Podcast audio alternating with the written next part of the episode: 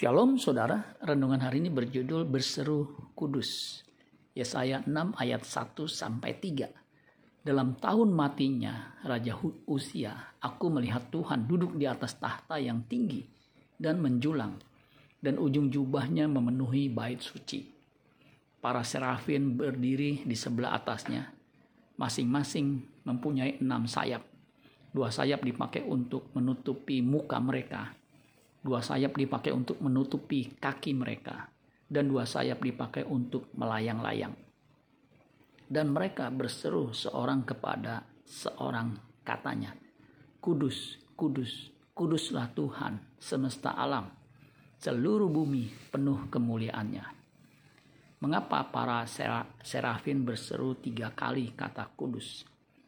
Demikian juga Rasul Yohanes mendengar tiga kali kata kudus diserukan Wahyu 4 ayat 8. Dan keempat makhluk itu masing-masing bersayap enam.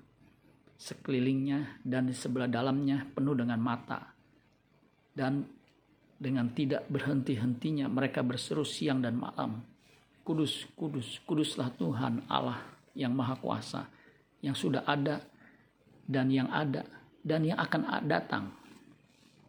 Rasul Petrus mengutip kata kudus dari Imamat 11 ayat 44 dan 45. Imamat 19 ayat 2 sebanyak tiga kali sekaligus menjelaskan makna tiga pribadi di dalamnya, yaitu Allah Bapa, Anak, dan Roh Kudus. 1 Petrus 1 ayat 14 sampai 21.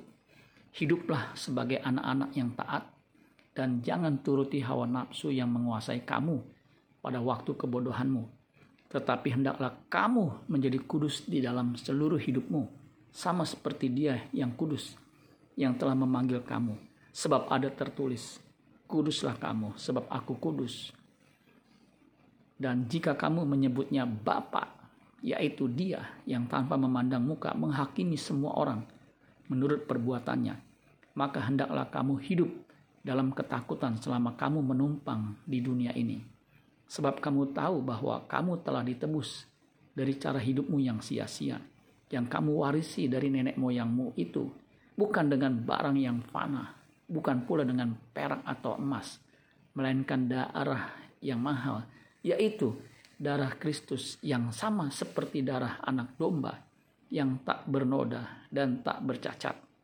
Ia telah dipilih sebelum dunia dijadikan.